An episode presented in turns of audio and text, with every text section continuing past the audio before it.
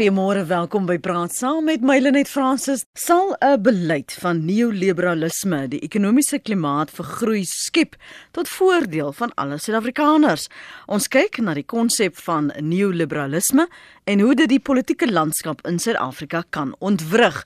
Kom ek hoor wie's ons gaste? Ons praat vanmôre met professor Andre Duvenage, politieke ontleder by Noordwes Universiteit se Potchefstroom kampus. Goeiemôre professor.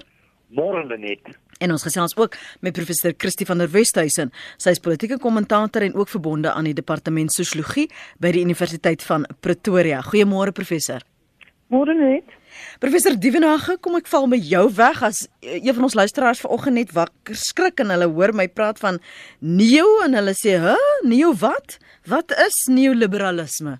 Wel, kom ons begin by klassieke liberalisme. Klassieke liberalisme is gebaseer op individualisme wat eintlik die individu die sentrale persoon en skakel maak binne die samelewing en die argument is die individu moet vry wees en daardie vryheid moet jy definieer polities dit gee gewoonlik in forme van demokrasie beslag ekonomies in terme van die vrye mark en sosiale vryhede soos bewegingsvryheid, spraakvryheid en so meer. Nou die term neoliberalisme het 'n baie sterk ekonomiese fokus en kom basies neer op 'n vorm van laissez-faire ekonomie. Ons het dit baie sterk geassosieer met dit wat Ronald Reagan in die VSA gedoen het in die 80er jare, so ook Margaret Thatcher en Pinochet in Chile. As jy kyk wie was die groot denkers rondom jou neoliberalisme, dan was dit mense soos Milton Friedman en Friedrich von Hayek. Ek kan maar net so 'n paar mm. uh vertrekpunte van jou neoliberalisme identifiseer. Dis ekonomiese vryheid en 'n vorm van laissez-faire vryheid, beperkte staatsintervensie. Hulle werk met die benadering dat die rol van die staat in die groter samelewing is 'n minimumstaat en selfs 'n tipe van 'n nagwagstaat. Die wegdoen of vermindering van subsidies en toelae, maar belangrik vir hulle verbreed die belastingbasis sodat die mense aktief betrokke kan kry in die ekonomie sodat hulle belasting kan betaal en dat die groter samelewing en staat bepaalde voorspoed kan geniet. Hoe het dit die afgelope ruk stelselmatig beginne drupsgewys beginne die bewussyn en die gespreksbewussyn in Suid-Afrika begin beïnvloed en en van watter oorde kom dit deurdat ons nou al hoe meer beginne praat van neoliberalisme? Wel, ek moet sê dat eh uh, die hele kwessie van die debat rondom neoliberalisme in Suid-Afrika is eintlik 'n ou debat en jy kan baie van hierdie lyne gaan trek selfs na die tye van die onderhandelinge in die vroeë 90's. En hier is dit miskien belangrik om na drie verskillende staatsbeskouings te verwys. Mm -hmm. Die een is nou die neoliberale een wat ek pas geskets het, minimum staat, maksimum vryheid, almal betrokke, uh min staatsintervensies en so meer. Maar dan op die ander ekstreem werk jy met 'n konsep van 'n sentralistiese staat wat eintlik alles beheer, wat volledige beheer wil hê oor die produksiefaktore, grond, kapitaal, arbeid, ondernemingskap, hy's sentralisties, hy's intervensionisties en dikwels as hy kom vanuit 'n kommunisties en of sosialistiese agtergrond, is hy egalisties wat beteken hy streef na 'n gelykheid in die samelewing. Dis die teenpool van die neoliberale. Maar dan kry jy 'n tussenposisie en daar's miskien meer as een tussenposisie waarna ek wil verwys as die ontwikkelingsstaat of dan in Engels the developmental state. Nou hy probeer die eienskappe van hierdie twee wêrelde in mekaar integreer. En op 'n manier kan jy 'n tipe van 'n sosiale demokrasie kry wat probeer om verskeidenhede te akkommodeer maar ook die konsep van 'n gemengde ekonomie waarin jy byvoorbeeld aan die een kant kry jy 'n vrye markbeginsel, die neoliberale idees, maar aan die ander kant kry jy sterk staatsintervensies in terme van 'n pakket. En hierdie model het ons veral gekry in die sogenaamde Pacific Rim state, mm, mm. uh die state daar rondom Japan, wat ek dink ekonomies gesproke relatiewe groot suksesse met hierdie ontwikkelingsmodel behaal het. Ek wil nie ons met enige persoon in hierdie gesprek vanmôre verloor nie. So ons gaan praat met die wat baie gemaklik is met die terminologie en onmiddellik sal verstaan waarna jy albei verwys, die akademisie met met uitsondering. En dan wil ek ook die wat nie noodwendig um vertroud is met terminologie soos wat ons dit uiteensit vanoggend nie, wil hulle ook hulle deel maak van hierdie gesprek omdat dit ons almal op uh, verskillende vlakke sou raak. Professor van der Westhuizen, jy's nie 'n voorstander van hierdie konsep rondom neoliberalisme nie. Wel ek ek het ehm um, ek is ek is voorstander van konsepte. en konsepte help ons verstaan wat yeah. Ja. waar wat wat is soort ding het ons te doen mee hier. Ehm um, maar maar ja, ek het definitief 'n probleem met neoliberalisme as 'n manier van dink en 'n manier van van van die staat inrig. Uh, ek dink uh, Andre het nogal baie goed ehm um, vasgevang by die ekonomiese dimensies is van die liberalisme. En ek dink in ons eie land, weet dit is nog interessant. Uh jare gelede my vorige lewe toe ek nog 'n joernalis was, ehm um, het ek een keer uh die woord neoliberalisme in 'n voorbladberig gebruik mm. by die koerant waar ek gewerk het. En die redakteur was baie ontstoke want ek sien maar nie, niemand gaan weet wat dit beteken nie. Jy weet dit is nie dis ek uh, vir hom op daardie stadium kyk dit is hierdie hierdie is so 'n belangrike ideologiese verskynsel dat ons moet ons as jy inlig. Weet en ek dink dit is baie belangrik. Ek mm. baie bly dat jy vandag hier programme kan hoor want ehm um, hoewel dit nou uh, weet dit is 'n isme en dan dit skrik mense af. As jy nou sê 'n konsep soos hierdie kan baie vervreemdend vir mense klink. Maar maar dit is, dit is belangrik dat ons verstaan waarmee ons te doen het hierso. En hierdie weet die neoliberalisme in Suid-Afrika as 'n as 'n vorm van as 'n ekonomiese stelsel. Eh uh, is al aan die weet die nasionale party aan die begin skuif al in hierdie rigting ons sien dit al klaar met met Pierre Botha in die laat 80 so die, die eerste roeringe uh ag sien uh, laat 70 dis so die eerste roeringe van 'n skuif na hierdie stelsel wat wat wanneer dit word uh, assosieer met baie spesifieke tipe beleide. Jy weet as mense nou wil uh uitpak dan uh, dink mense aan deregulering jy dink aan aan liberalisering jy dink aan privatisering. Nou al wat wanneer hierdie goed verwys is dat die regulasies die staatsregulasies um, in die ekonomie word drasties verminder. Uh want die argument is dat die mark moet sogenaamd vry wees hmm. sodat die mark nou kan aan almal verskaf. Maar weet uit uit uiteraard kapitalisme as 'n stelsel werk uh on op 'n op 'n op 'n oneweredige manier en uit en dit skep ongelykheid. So soos soos wat ehm um, dit uh, kommunisme en sy en sy Sowjetunie vorm was 'n poging tot om 'n egalitaire staat te skep. Natuurlik het jy nog steeds 'n kommunistiese elite gehad, so dit was nie eintlik heeltemal egalitair nie. Maar die ehm um, dit is 'n poging om daai gelykheid te skep. Want wanneer die, die teenpool is, wie kapitalisme in sy ekstreme vorm skep ongelooflike ongelykheid. En en ek sou sê neoliberalisme is 'n vorm van kapitalisme in sy ekstreme vorm. En dit is hoekom sosio-ekonomiese ongelykheid so ongelooflik toegeneem het sedert die, die middel 90s in Suid-Afrika. So hoewel ons ons het altyd 'n baie ongelyke land as gevolg van die vorm van kapitalisme wat uitgespeel het hierso. Eh maar van vanaf die mid 90 sien ons 'n verskerping en dat ons ons is um, in kompetisie met Brasilië oor wie wie die mees ongelyke land in die wêreld hmm. en gewoonlik wen ons. Jy weet in Brasilië is is 'n ongelooflike ongelyke land uh, op sigself het ons 'n fasering gesien van met die politieke oorgang in Suid-Afrika van neoliberalisme uit dit op 'n verskillende vlakke begin 'n uh, deursypel? Wel, wat wat gebeur het en ek dink daai onderhandelingsproses is baie belangrik. Ek skryf daaroor in my in my eerste boek White Power. Mm. Oor in die onderhandelingsproses was daar ehm um, kyk die nasionale party het reeds oorgeskryf in die neoliberale posisie. Uh, hulle was reeds weet uh, groot aanhangers van Thatcherisme uh hier die loop van die 80s en hulle het al hoe meer ehm um, weet ek onder onder gedoen daarin dit te sien wat die finansiesminister was in daai tyd. Yes, dit, ja. So hulle het ook die posisie van liberalisme aanvaar. En daarom was die nasionale party en vir groot kapitaal in die land baie belangrik dat hulle die ANC ook oorhaal tot daai posisie.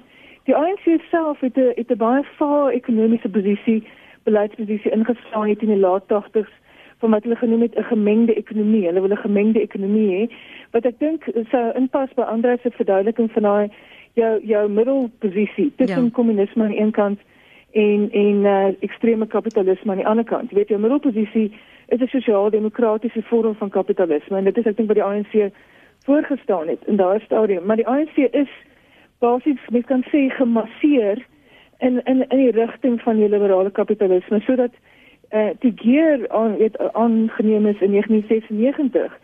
Gear as 'n as 'n ekonomiese beleid is is uh, is 'n nie liberale ekonomiese beleid. En sedertdien die ander forme van weet jy as GISA en en dan eh, die huidige vorm die huidige plan, die nasionale ontwikkelingsplan is ook 'n neoliberale beleid. So neoliberale neoliberalisme is is is basies ons ekonomiese beleid in hierdie land waar baie mense nie wenig woord kan uitspreek nie. Ja. ja, wel, um, jy het self gesien hoe struikel ek so in die begin. Ek wil net duidelikheid kry by professor Dievenage oor of jy saamstem met Christie dat Suid-Afrika in hierdie tussenposisie is en hoe vorder ons tot dusver in hierdie tussenposisie?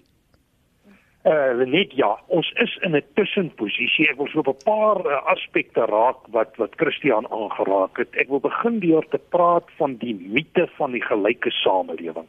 'n Samelewing kan en sal nooit gelyk wees nie. En die oomblik as jy hom absoluut gelyk definieer, dan sal hy noodwendig baie nie vry wees nie. En ek dink 'n mens moet dus in 'n sekere sin 'n keuse maak tussen waardes. En ek dink die belangriker waarde vir ekonomiese groei en ontwikkeling is vryheid. Maar nou is hy heeltemal reg, jy kan nie vryheid en uh, ekonomiese handeling ongetemperd en ongekwalifiseerd toelaat nie. En daarom dink ek is dit belangrik dat mense aan die een kant van die ekonomie vryheid toelaat, inisiatief, geld van buite kry vir ontwikkeling en mense die geleentheid gee om hulle eie posisie te verbeter al bring dit 'n element van ongelykheid. Maar dan aan die ander kant het jy 'n staat wat belasting invorder en wat geld investeer in die samelewing ter wille van ontwikkeling en dit is die tussenposisie. Nou ons is in die tussenposisie, maar ons het een geweldige probleem en dit is dat die staat op 'n nasionale, provinsiale en plaaslike vlak nie doen wat hulle veronderstel is om te doen. In kort die staat val uitmekaar uit. En as jy maar net kyk wat op plaaslike vlak aan die aan die orde is, dan is dit duidelik dat die staat nie sy deel van hierdie kompromie kan nakom nie. En ek dink dis waar ons probleem is.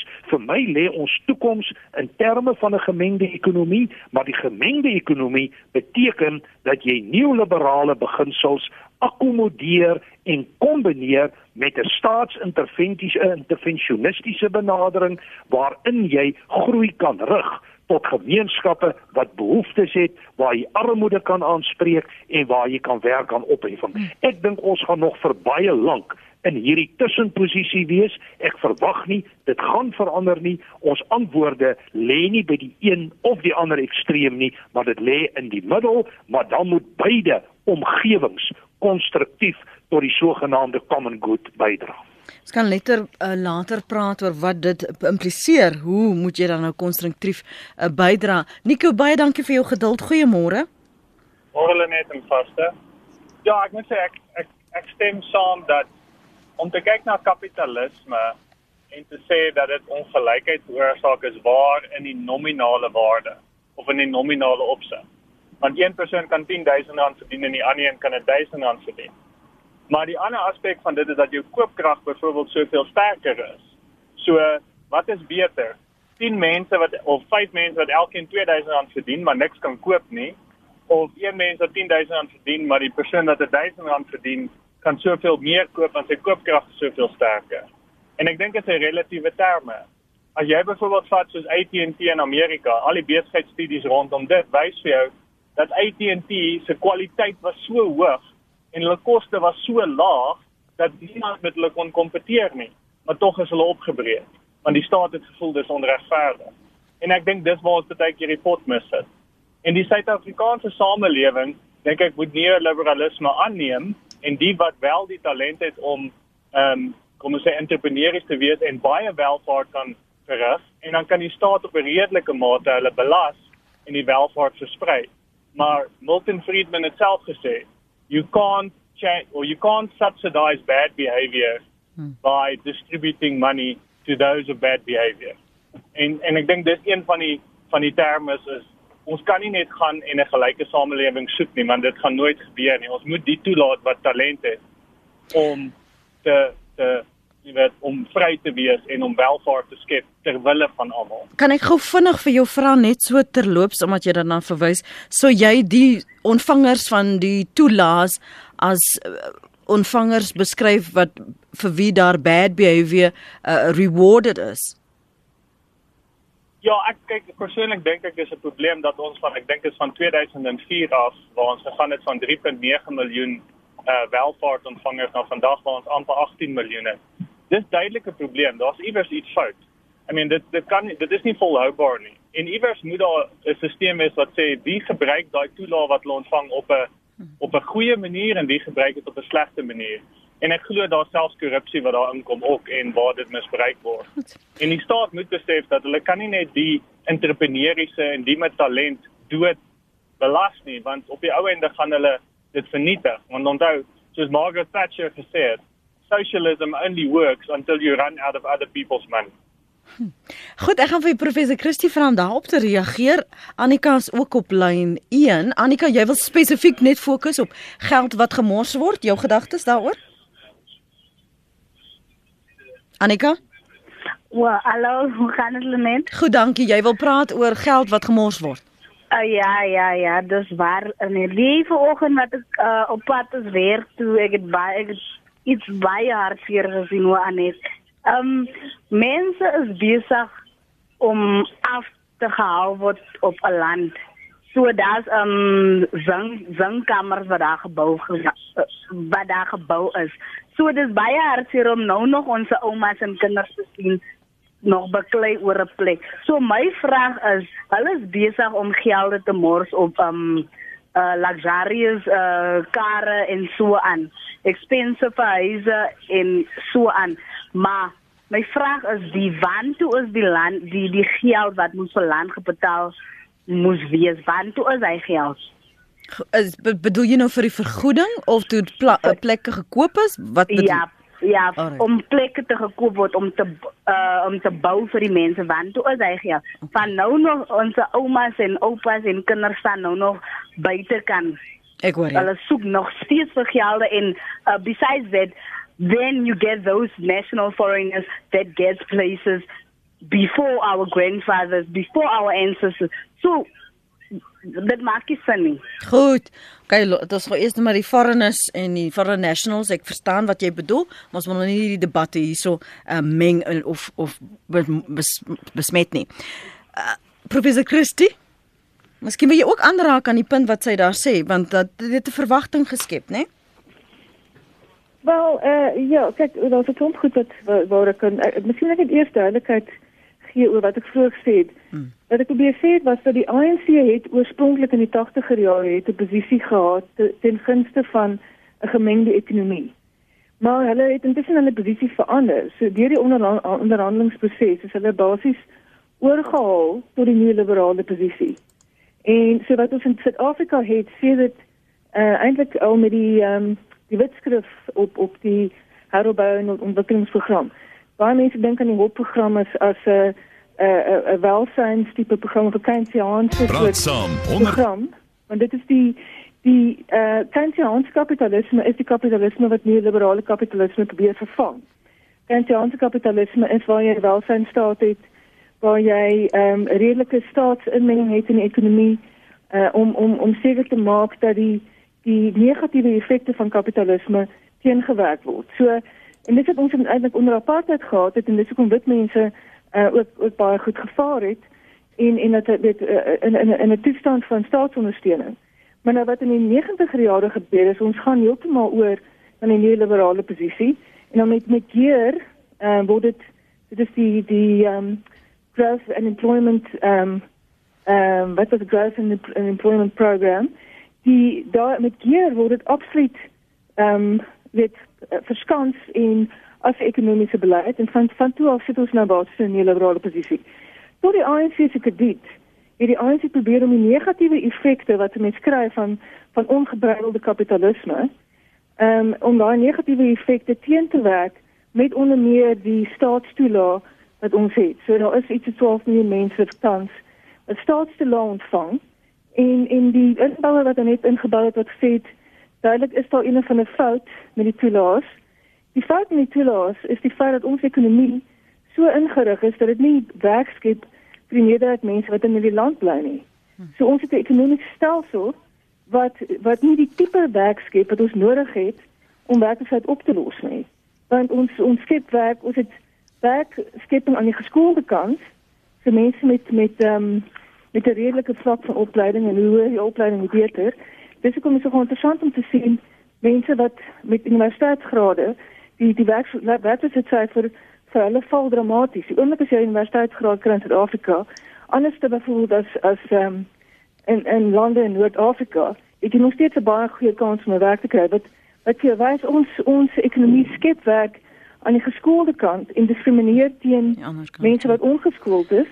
En dis en en daarom dit is 'n ekonomiese stelsel wat wat my betref disfunksioneel is.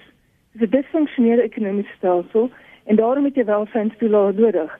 Die hele idee dat sommige mense verdienstelik en sommige is nie is eintlik 'n uh, uh, dit kan vir my soos 'n 'n tipiese middelklas posisie waar middelklas mense gaan nou besluit of arme mense ehm um, uh, hulp kan ontvang van die staat of nie. Weet, dit is dit is totaal dis maar te patroniserend en totaal onaanvaarbaar. Nico praat van professor uh, Dievenage dat jy sekere maatskappye dan of instansies moet toelaat om so 'n beleid te volg en as en ware die winste wat jy dan kry of dit die room wat jy kan skep dan dit verdeel. Maar dat dit 'n uh, almal moet bevoordeel word, maar dat daai voordele ook verdien moet word uh, in 'n mate. Hoe en watter wyse van van organisering van van maatskappy van vestiging is dit net waar dit hier in Suid-Afrika moontlik sou kon werk waar uh, selfs politieke partye leen tot tot die beleid van neoliberalisme kan ons ge, ge, oor daai ideologie gesels want hy pas dit toe in 'n werksomgewing in in in in, in besigheid. Ja, uh, net ek wil ek wil 'n paar opmerkings maak, dan kom ek spesifiek terug na wat wat ek dink jy na na toe wil werk. Uh ek wil begin deur te sê dat Suid-Afrika as 'n land is nie werklik 'n ryk land nie. Ons is 'n baie arm land. En as ons kyk na werksgeleenthede en werkskepping in jou primêre sektor van die ekonomie en ook die sekondêre sektor, is dit dikwels beperk. En die geleenthede bestaan dit op die tersiêre vlak waar jy moet werk met 'n 'n supergeskoolde individu in 'n inligtings kennisintensiewe tipe ekonomie. So dit is waar die groot geleenthede lê en by voorbaat haal dit 'n klomp mense uit die spel uit en daai sin deel ek kristiese bekommernis, maar ons moet onthou dat ons ekonomie histories tot stand gekom het op hierdie lyne en dat dat dit nie maklik oornag net verander kan word nie. Tweede saak wat belangrik is, ons ekonomie is geweldig afhanklik van uh, buitelandse direkte investering. In ander woorde, ons moet geld in die ekonomie inbring. Nou moet jy die vraag vra, waarom bring mense geld in die ekonomie in? En dit is om met daardie geld bepaalde winste te maak. Hulle gaan dit nie net filantropies investeer omdat hulle jammer voel vir mense of om watter ander redes nie. Dit gaan oor voordeel wat hulle hier kan kry wat hulle nie in ander omgewings kan kry nie. En indien hulle dit in ander omgewings kry, dan investeer hulle in ander omgewings. Dit is 'n basiese wetmatigheid daarbuiten. Nou wat kan jy daaraan doen? My kyk daarop is dat jy moet sover as moontlik dit moontlik maak vir mense om geld te belê jy moet hulle ook toelaat om bepaalde winste te kan uh, neem op daardie proses.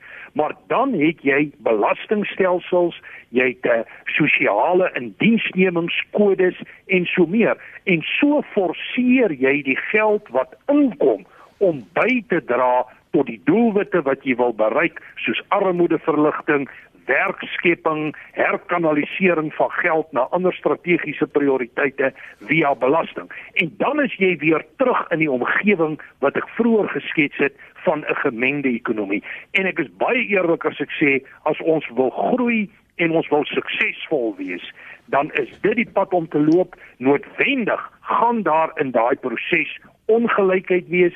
Ek is amper bereid om te sê 'n element van ongelykheid is 'n voorwaarde vir ekonomiese groei. En ek kan nie sien hoe jy daai proses gaan mis nie maar ek dink dit is beter om te sê ons groei binne 'n element van ongelykheid eerder as wat ons vasval in 'n sentralistiese kommunistiese stelsel waar geen geld kan inkom nie, waar armoede eskaleer en waar almal uiteindelik op 'n vlak is waar hulle afhanklik is van die staat. Hmm. Ek dink dit is die slegste scenario en ons het daai uitspeel gesien in baie state oor die wêreld heen onder sentralistiese beheer met 'n baie sterk kommunisties georiënteerde politieke en ekonomiese ideologie. Henning, jy's op lyn 2. Ons luister. Môre. Môre. Kies ook maar ek wil net uitvind uh, daar moet nou 'n krimping tussen ryk en arm kom. Dis maklik. Daar word altyd net gegee. Uh jy kan nou kyk, die mense wat die hardste skree, is die mense wat net wil hê. Nou as jy nou vat uh ek kan nou gaan stop met 'n met 'n voertuig en ek kan 30 mense oplei wat wil werk. Maar wie moet hulle betaal? Ek moet hulle betaal. Nou daar's 'n daar's 'n klein verhaaltjie wat ek vanmôre wil gee. Jy kan jy kan drie kinders hê. En jy kan vir elkeen R50 gee. En die ene sal synig uitgee op stokkie lekkers. En die ander ene sal R10 gebruik van sy geld en die ander R20 gaan hy hou. En die ander ene sal byvoorbeeld sy geld vat en hy sal iets daarvan maak om meer te hê. So die ene wat sy stokkie lekkers gaan koop, verwag altyd dat jy net moet vir hom gee. Want hy het net gekry. Nou daar daar's 'n vrouetjie van 'n Jood wat gestaan het toe kyk hy by die venster uit.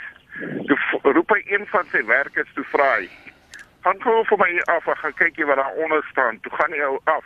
Toe kom hy terug te sê daar staan 'n perdekar. Toe gaan hy vra hy vir hom: "Wat is op die perdekar?" Toe gaan hy, toe kom hy terug te sê daar stoele. Toe vra hy vir hom: uh, "Wil jy ou die stoele verkoop?" Toe hol hy ou weer af en hy gaan haal uh, hy gaan vra die prys en hy kom terug. En hy sê vir hom hy wil R50 per stoel hê. So die ander uh persoon wat by hom gewerk het, ander assistent het hy afgestuur. Het afgegaan. Hy het vir hom teruggekom of hom gesê meneer, daar staan 'n perdekar. Daar stoele op, die man wil R50 hê. Dis waar die verskil inkom tussen die twee. Die een sal op vrek hardloop en niks verdien nie. Die ander ene sal gaan en hy sal hom nie dood hardloop nie, maar hy sal al die inligting regkry en hy sal die moeite werd wees. Nou moet ons nie na daai konsep so kyk nie. Goed, dankie Henning, dis Henning se mening daardie. Professor Dievenage, uh, moet dalk wil jy ja, reageer? Die die voorbeeld wat Henning gebruik daar is work smarter not harder. Ja. Ek dink dit is 'n belangrike beginsel. 'n Mens moet met kundigheid en met uh, tegnologie kan jy dikwels dinge baie maklik, baie eenvoudig bereik tot voordeel van jouself en tot voordeel van die groter gemeenskap. Maar die groot beginsel is ons soek 'n opgeleide werkerskorps. Ons soek mense wat kreatief is. Ons soek mense wat inisiatief kan neem. Ons soek mense wat 'n verskil kan maak in die samelewing. En vir my is dit geweldig belangrik dat die staat 'n omgewing skep waarin mense aktief betrokke kan wees. Waar hulle voel hulle kan hulle self uitleef, waar hulle deel kan word van 'n groter ideaal. En op die oomblik moet ek sê, dink ek daai groter ideaal ontbreek. Ek is nie bewus van waarheen die politieke omgewing ons presies wil stuur nie. So mense voel nie baie ingebind nie. Baie mense voel dat hulle hulle vaardighede en kundighede eerder kan gaan aanwend onder beter omstandighede in plekke soos Australië, Nieu-Seeland, Kanada of waar ook al. En ek dink dit is 'n risiko wat ons moet bestuur. Maar dit gaan oor vaardigheidsontwikkeling, dit gaan oor kundigheid. In daai sin is dit baie belangrik dat ons ons onderwysstelsels opskerp om relevant te wees, om gehalte te lewer, om mense te oriënteer vir die omstandighede van die tyd, vir waarskynlik werksgeleenthede en tipe werke wat ons op die oomblik nog nie van weet nie en wat vorentoe kan ontwikkel. En ek is net bekommerd daaroor dat ons breë onderrigstelsels nie altyd gerad en gereed is vir die omstandighede en die uitdagings van ons tyd. Christie professor Dievenage het vroeër gesê dat uh, deel van van neoliberalisme en die tussenposisie wat ons het dat daar altyd 'n element van ongelykheid ons moet aanvaar dat sal 'n element van ongelykheid moet wees. Uh, is dit maar die die die prys wat jy moet betaal, Christie. Ag meen as ons wil vooruitgaan en jy wil vir die breë Suid-Afrikaanse uh, gemeenskap en die samelewing uh, ten voordeel strek, dat daar maar die beserings gaan wees, daar gaan daar die groep wees wat jy gaan agterlaat. Dit is maar 'n gegewe. Jy moet dit uh, aanvaar. Ja, wel, ek het ook net nie daarmee so nie. Uh om eenvoudige rede dat uh dat ek dink dat daar 'n spanning, daar's 'n filosofiese spanning, soos ons weet al vir eeue lank skryf filosofe presies oor die spanning tussen vryheid en gelykheid. So uh, uh en en ons as as menslike wesens probeer uh weet ons kan ons kan die die die positiewe aspek van albei kante insien, weet van vryheid en van gelykheid. Maar ons probeer om hulle in uh ek dink wel sommige mense probeer om daai twee positiewe waardes van vryheid en gelykheid in balans te bring met mekaar. En sommige mense, maar ander mense weet nie die posisie in dat gelykheid is is is onbewerkstelligbaar. En uh, ons moet vergeet daarvan dit is 'n mite soos wat ander gesê het. En uh, en ek dink ehm um, dit klink my soos Nico se posisie ook vroeër mm. uh, wat ingebal het. Dat is die, die idee van ongelykheid ag of van gelykheid is 'n mite. Maar ek moet sê net soveel dan mens kan net mens kan presies selfde argument maak vir vryheid.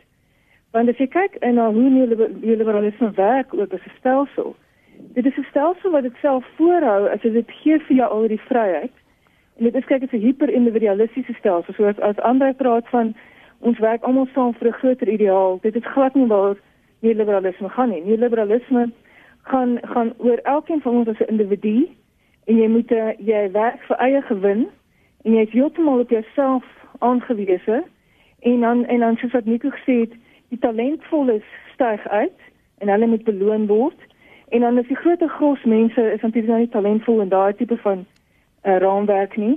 En dan moet hulle dan as jy sê hulle net ehm um, dan die argumente staan hulle hulle val net maar uit en dis maar eh uh, weet how the cookie crumbles die bevinding. Nou uh, daai hierdie is 'n meritokratiese stelsel wat heeltemal ehm um, nie in ag neem wat die werklike redes is, die werklike historiese redes hoekom sommige mense uitblink en ander mense nie uitblink nie. En dit binne daar daar binne is eintlik 'n sosiaal darwinistiese idee. Want dit is as ons dink aan sosiale darwinisme, dit sê basies daar's hierdie en dis 'n idee wat kom in die koloniale tye. Dit sê dat daar's die natuurlike hiërargie van mense en natuurlik kan jy dit nou glo wit mans is aan die bo-punt van hiërargie. Hoe toevallig is dit dan nie net nie. En daar's 'n natuurlike hiërargie van mense. Sommige mense kan dit net glad nie maak nie, maar hulle is inherent oninstaat daartoe om om om dit te maak en dan kry jy die mense wat in natuurlike uitblinkers is en toevallig lyk hulle almal dieselfde en die meeste van die blou in die globale noorde. Is dit nou nie 'n totale toeval nie? So jy kan eintlik sien hierdie is 'n ideologiese stelsel wat ongelykheid in die hand werk. Dit skep hiërargie, dit skep uh, dit plaas dit hou sommige mense aan die onderpunt van die piramide, dit hou ander mense aan die bopunt van die piramide En rasionele liberalisme en gaan nog verder as vorige vorms van kapitalisme en dis hoekom ons deesdae praat van die 1%. Jy weet die hele ja. kwessie van dat daar se 1% ehm um, groepering in die wêreld wat se se rykdom gelykstaande is aan iets soos die die onderste 50% van die wêreldbevolking. So hierdie is ekstreme ongelykheid wat wat ons nog nooit van tevore ehm um, gesien het, jy weet in in in die in die in die in die tyd wat kapitalisme bestaan nie wat in 22 plus jaar is. So uh, weet jy dit is al van spraak, jy praat van hier hiërargie wat ingestel word. Daar's 'n duidelike ras en geslags aspek in die hiërargie. Daar's ook 'n geografiese aspek. Die lande wat die meeste baat by neoliberalisme is die VSA in Europa, Europese lande. En dit is dit is eintlik waar ons praat hier. So dis 'n ideologiese stelsel wat dit self voorgee dat dit natuurlik van aard is. Maar dit sê vir ons dat ons 'n natuurlike hiërargie tussen mense. Sommige mense is maar net minderwaardig en sommige mense is maar net meerderwaardig. Nou uiteraard moet mense daai posisie heeltemal verwerp en mens moet die ideologie sien vir wat dit is en wat dit probeer doen en uh, en en en absoluut uh, teenwerk. Weet en ek dink veral in in Suid-Afrikaanse konteks waar die verre meerderheid mense wat arm is, is swart. Nie omdat hulle ontalentvol is nie, ja. maar omdat daar his, histories stelselmatig teen hulle gediskrimineer is en hulle is ge, gehou, hulle is gestoot in die onderste 50% in en hulle word gehou daar deur deur die neoliberale beleid. Kom ons hoor gou wat sê Rian, Rian jy's op lyn 2. Môre. Goeiemôre net. Ehm um, jong, ek eers net vir dankie sê dat jy hierdie gesprekke bly probeer onder ons aandag bring. Dis sulke komplekse goed waaroor ons worstel en weet ek kan voel hoe jy deur die gesprekke probeer om dit iets beter te skep. Ek dink ons almal soek vir iets meer en iets beter want ons besef dit wat ons mee besig is werk nie regtig nie. Ehm um, en dan raak dit nou hoe waar begin 'n ou, jy weet, ehm um, weet dan laat my dink aan wat Einstein gesê het van hoe jy nie 'n probleem kan oplos met dieselfde vlak van denke waarmee die probleem geskep is nie. En ek dink dis 'n ding wat ons moet begin erken aan onsself, ehm um, alle Suid-Afrikaners onder mekaar dat die stelsel werk nie. Ons moet in daai plek kan gaan staan van onkunde en aanvaar weet ons weet nie waartoe om te gaan nie. Kom ons gaan kyk eers op watter beginsels bou ons alles hmm. voordat ons probeer om te verander wat klaar daar is. Jy weet wat beteken iets soos demokrasie? Ehm um, is dit net om te kan stem elke 5 jaar vir 'n party wat dan nou jou belange op die hart dra? Weet of is demokrasie om regtig elke medemens as jou gelyke te sien? Dit is dit waar ons moet begin nie om mekaar eers as heeltemal gelyk te te sien en te kan ervaar voordat ons besluit wat se ekonomiese stelsels ons wil bou. Jou een gas het gepraat van uh kreatiwiteit wat ons nodig het in die werkplek. Nou weet jy kan nie aan die eindpunt kreatiwiteit skep daar waar jy dit nodig het in jou werkerskorps nie. Dit moet van die begin af ingeboesem word in die kinders. Jy weet van die kleinste ouderdomme af. So dit gaan na wat is onderwys? Weet wil ons heeltyd net dit afdwing op die kinders wat ons sien die samelewing nodig het of kan ons kyk wat se vlammetjie is binne in daai kind wat nie uit die spirituele wêreld uit hier sy verskyning maak en begin kyk wat se aanduidings gee dit vir ons van wat dit werklik is om mens te wees in daai rein vorm en dit dan te laat groei in 'n samelewing. Ek glo as dit die plek is waar ons begin kyk, dan sal die volgende generasie sal inherent in hulle die oplossings hê wat ons na soek, maar ons hou so vas aan ons huidige instansies en denkwyses dat ons nie plek laat vir daai onsekerheid vir iets van die spirituele om deur te kom en saad te plant en 'n lig te word en vir ons daai goeie skep nie. Weet dat ons 'n pad kan hê vorentoe in hierdie duisternis. Dis maar wat ek wou sê. Goed. Dankie vir jou mening Rian. Johannes eh, skryf NOP 'n neoliberale plan. Ehm um, dan kan ons Julius Malema as 'n versoenende figuur beskryf. Die NOP is respek met staatsingryping en stel die staat en staatsondernemings sentraal. Skryf self voor hoe lank vroulike plaaswerkers moet borsvoed 6 maande. Christie is Christie is nie reg dat die NOP in daardie denkring digting val nie. Verder aan skryf Connie van Dannebaai sedert 1994 is neoliberalisme geleidelik gevestig as die basis van ekonomiese beleid. Die sukses van neoliberalisme word geëvalueer deur 'n analise van die veranderinge in vlakke van armoede en ongelykheid sedert ons oorgang. Min vordering is gemaak met die vermindering van ongelykheid. Vlakke van armoede verhoog en Suid-Afrika se menslike ontwikkelingsindeks as aanduiding van sukses van ontwikkelingsbeleid het sedert 94 afgeneem. Is dit korrek dat neoliberalisme in Suid Suid-Afrika nog nie suksesvol is nie.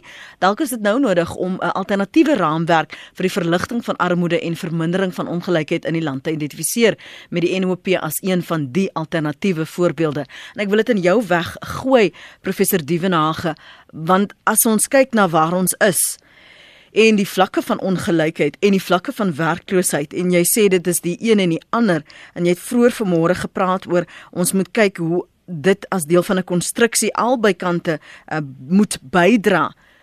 Regverdig dit kon nie se vraag van moet ons nie anders begin kyk en na ander alternatiewe kykie want van wat ons die pad en die weg wat ons op die oomblik volg bring ons nie by ons uh, einddoel uit nie. Net vir my lê die sleutel en ek dink daar verskil ek en Christie 'n bietjie is dat die verantwoordelikheid vir elke individu lê by hom of haarself ons kan nie die verantwoordelikheid en die blaam plaas op strukture en prosesse nie. En op die oomblik die tipe ideologie wat ons tans in Suid-Afrika het, plaas 'n geweldige verantwoordelikheid op die staat om bepaalde sake na te kom en verantwoordelikheid te neem namens die burgers. En 'n goeie voorbeeld daarvan is die 17 miljoen toelaat wat eintlik 'n afhanklikheidskultuur skep wat vir mense eintlik sê moenie bekommer nie die staat sal sorg maar ons weet aan die einde van die dag kan die staat nie sorg nie. Die staat kan hierdie las nie meer dra nie. Dis hoekom ons in sulke ernstige finansiële moeilikheid is. My kyk daarop is dat die individu en daar is ek neoliberaal, die individu moet vir hulle self verantwoordelikheid neem. Soos die Franse filosoof Descartes sê, I think therefore I am ek is die skepper van my toekoms. Maar wat belangrik is, is dat daar 'n politieke omgewing moet wees wat daai inisiatief rig en lei na 'n punt toe wat ons kan beskryf as die common good. En ek dink op die oomblik is dit afwesig. Vir my is die groot tekortkoming nie die inisiatief wat mense neem aan die een kant nie, maar die onvermoë van die staat om dit polities, ekonomies en sosiaal doelmatig te bestuur. Soos ek vroeër genoem het, die staat faal ons in sy kernaktiwiteit. Hy kan nie orde, stabiliteit en sekerheid skep nie. Hy kan nie ontwikkeling skep nie. Ons neig toenemend na die omgewing van 'n verswakkende staat. Sommige mense praat al op plaaslike vlak van 'n totale state. En dit is die omgewing wat ons moet regkry. As ons dit nie gaan regkry nie, gaan mense al hoe meer inisiatief neem. Ons gaan al hoe meer dinge doen buite die konteks van die staat en ons gaan eintlik 'n staat skep binne 'n staat om ons behoeftes te hanteer. So ek lees die moeilikheid staatkundig, maar as jy die individu ondermyn en jy laat hom nie toe nie, dan stagneer mense, dan verval die ekonomie en dan land ons in 'n omgewing soos die ou kommunistiese Oos-Europa waarin alle mense begeer het om oor te beweeg na die slegte weste toe met sy ongelykheid en dit is die werklikheid waarvoor ons staan. Christie kan jou al laat afsluit vanmôre. Ah, dankie Evenet. Ja. Ek eh, ja, ek ja, waar begin ek? Ja. Ehm um, net net om 'n punt wat ek vroeg maar net klaar te maak oor die die mite van vryheid. Jy weet as mens ehm um, vir my is nie nie liberalisme as 'n stelsel. Is dit dit is 'n vryheid vir sommige mense. Dit is 'n vryheid vir mense wat alreeds ehm um, weet goed geplaas is. Dit is gewoon dit is 'n vryheid vir middelklas mense, dit is 'n vryheid vir vir mense wat die wat die gemak het om om hulle sogenaamde beste self te wees. Dit hierdie hierdie uitdrukking wat mense hoor van be your best self. Dit is 'n nuwe liberale uitdrukking dit gaan dit hierdie in hierdie hiper individualisme waar ons elkeen moet 'n entrepreneur word van ons eie lewens en onsself net kultiveer en opbou en en en ons beste self dan wees. Maar wat uh, maar wat wat of van as die objektiewe kondisie van jou lewe jou nie toelaat om jou beste self te wees nie. Wat of van as jy as gevolg van 3 en 'n half eeue van rassediskriminasie nie jou beste self kan wees nie. As gevolg van die die strukturele posisie waarin jy bevind. Struktureel bedoel ons nou die kon die werklike kondisie waarin jy jouself bevind. Jou ouers was arm as gevolg van apartheid. Hulle ouers was arm. Die mense voor hulle was arm geweest en jy is nog steeds na selfde armoede vasgevang en daardie armoede kan nie verlig word nie want die want dit is nog steeds 'n liberale stelsel. Ja, so hmm. so ek dink dit is die dit is die dilemma waarvoor ons staan kom en ek het ek het die Riaanse oproep baie geniet want ek dink dit gaan presies oor die die soort uitdaging wat hy aan ons stel. Kom ons dink ehm um, het verby ons huidige paradigmas dink ons moet eintlik baie meer kreatief raak as wat neoliberalisme van ons verwag. Neoliberalisme wil eintlik ons inkort eintlik as mense ons eintlik minder maak as wat ons is. Ons as werklike kreatiwiteit is is om is om te dink hoe kan ons vryheid en gelykheid versoen in een stelsel? Hoe kan ons 'n stelsel hê wat werklik almal se menswaardigheid erken en en, en ook almal se objektiewe posisie erken waar hulle geplaas is en en kyk hoe kan ons dit beter maak. Jy weet, nie liberalisme kan dit nie doen nie. Nie liberalisme is 'n stelsel wat bestaande elites nog verder verryk en en hulle hulle posisie van mag nog verder verdiep en die mense wat wat wat histories onderdruk is, bly onderdruk. So dit, daarom is nie liberalisme die antwoord nie. Ons moet baie verder en en en baie meer kreatief en verbeeldingryk raak oor spesifiek in hierdie in die in die konteks van Suid-Afrika. Baie dankie professore, professor Andre Dievenage en professor Christie van der Westhuizen dat julle vir ons hierdie konsep beter belig het en probeer belig het dat ons 'n groter gesprek daaroor kan hê in die toekoms. Lekker dag verder.